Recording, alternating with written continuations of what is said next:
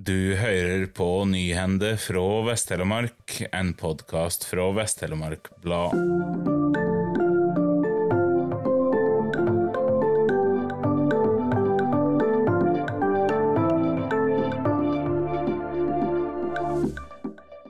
Natt til lørdag blei travel for politiet i samband med countryfestivalen i Seljord, med mindre valgshendinger, solbrilletyveri, ulovlig senka biler og folk som sneik seg inn på området uten festivalpass. Søndag ettermiddag ble en sjåfør tatt i promillekontroll i Seljord. SLT-koordinatorene Sveinung Gåra og Merete Jargensdottir Reinskås var til stede som oppsøkende team under countryhelga i Seljord. SLT står for Samordning av lokale rus- og kriminalitetsforebyggende tiltak.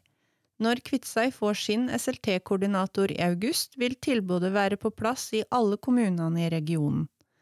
Gåra og Reinskås håper på godt samarbeid på tvers av kommunegrensene, spesielt med håndtering av store arrangement og felles utfordringer som trafikktryggleik og rus.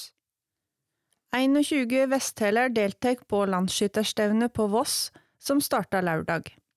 Stevnet har blitt arrangert siden 1893 i regi av Det frivillige skyttervesen, DFS. Arrangementet blir flytta rundt i landet og har mellom 4000 til 7000 deltakere hvert år.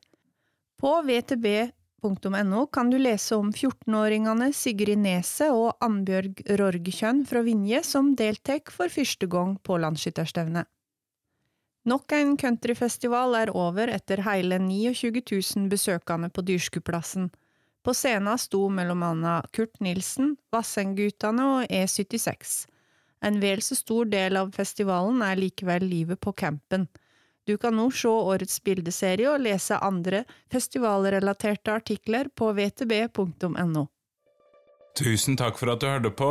Denne sendinga var produsert og presentert av Tone Tveit for Vest-Telemark Blad.